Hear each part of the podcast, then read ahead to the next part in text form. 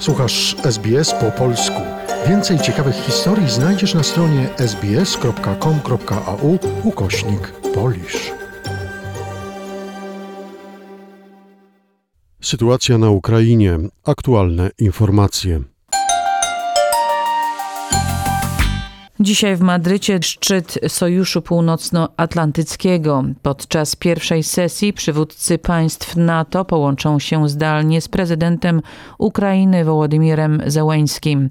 Druga sesja to spotkanie z przyszłymi krajami członkowskimi oraz najbliższymi partnerami, między innymi Gruzją, Japonią, Koreą, a także Szwecją i Finlandią. W odniesieniu do rozszerzenia NATO o Szwecję i Finlandię wcześniej zgodziła się Turcja. Poranna sesja szczytu NATO będzie poświęcona rosyjskiej wojnie rozpętanej na Ukrainie oraz jej konsekwencjom. Podczas rozmowy z ukraińskim prezydentem sojusznicy mają zadeklarować kolejne wsparcie wojskowe.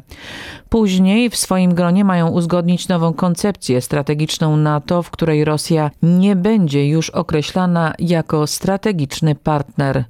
Na szczycie może także zapaść decyzja w sprawie zwiększenia wojsk sojuszu na wschodniej flance, w tym w Polsce, a także w sprawie niemal ośmiokrotnego zwiększenia do 300 tysięcy żołnierzy sił wysokiej gotowości sojuszu.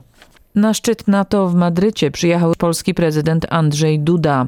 Będzie tam reprezentował Polskę. Jak zapowiedział, w dokumentach szczytu znajdują się zapisy, które całkowicie zmieniają podejście sojuszu do Rosji. W koncepcji strategicznej NATO z 2010 roku Rosja była nazywana partnerem. Jest czas najwyższy na to, aby całkowicie zmienić to podejście. Dzisiaj Rosja jest największym zagrożeniem dla państw Sojuszu Północnoatlantyckiego.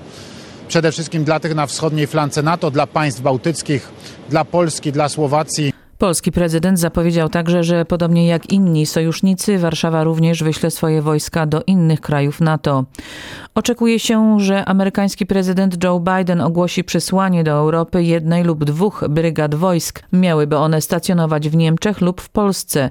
Tym samym liczba amerykańskich żołnierzy w Europie zbliżyłaby się do 100 tysięcy. Śledczy do spraw zbrodni wojennych zbadali zwęglone szczątki z centrum handlowego w Krzemieńczuku w środkowej Ukrainie, w które wczoraj uderzyły rosyjskie rakiety. Tymczasem Rosja nadal zaprzeczyła, że wystrzeliła rakiety na podmiejskie centrum handlowe, zabijając co najmniej 18 cywilów.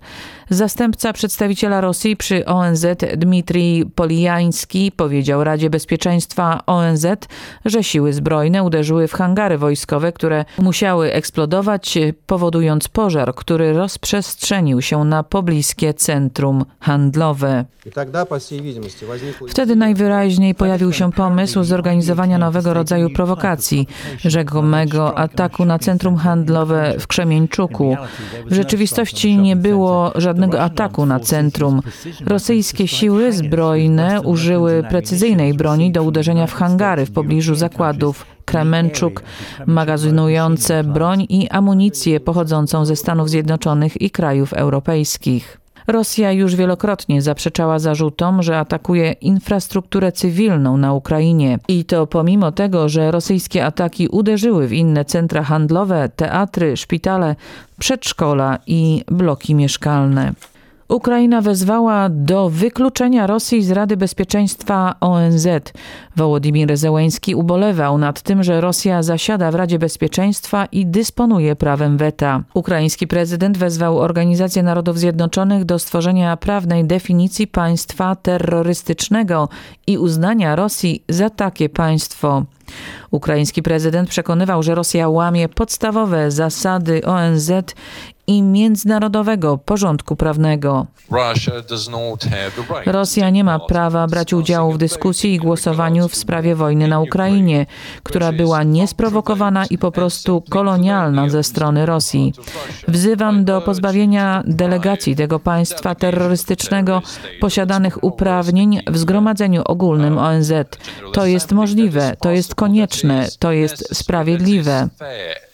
Podczas wystąpienia na forum Rady Bezpieczeństwa ONZ Wołodymir Zełański powiedział, że każdego dnia Rosja dokonuje na Ukrainie aktów terroru. Zastępca misji Stanów Zjednoczonych przy ONZ Richard Mills Powiedział, że jest wiele dowodów na to, że Rosja jest odpowiedzialna za ataki na cywilów i że dowody te nie będą ignorowane.